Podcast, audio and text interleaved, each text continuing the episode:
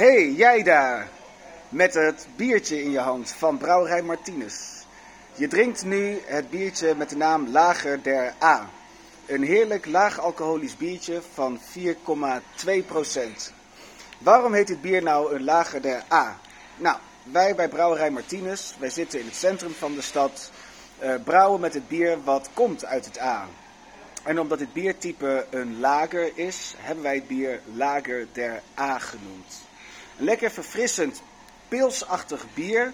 Eigenlijk is het eh pils zoals dat vroeger werd gemaakt. Ongefilterd, ongepasteuriseerd. Het is niet kraakhelder en dat is omdat het ongefilterd is.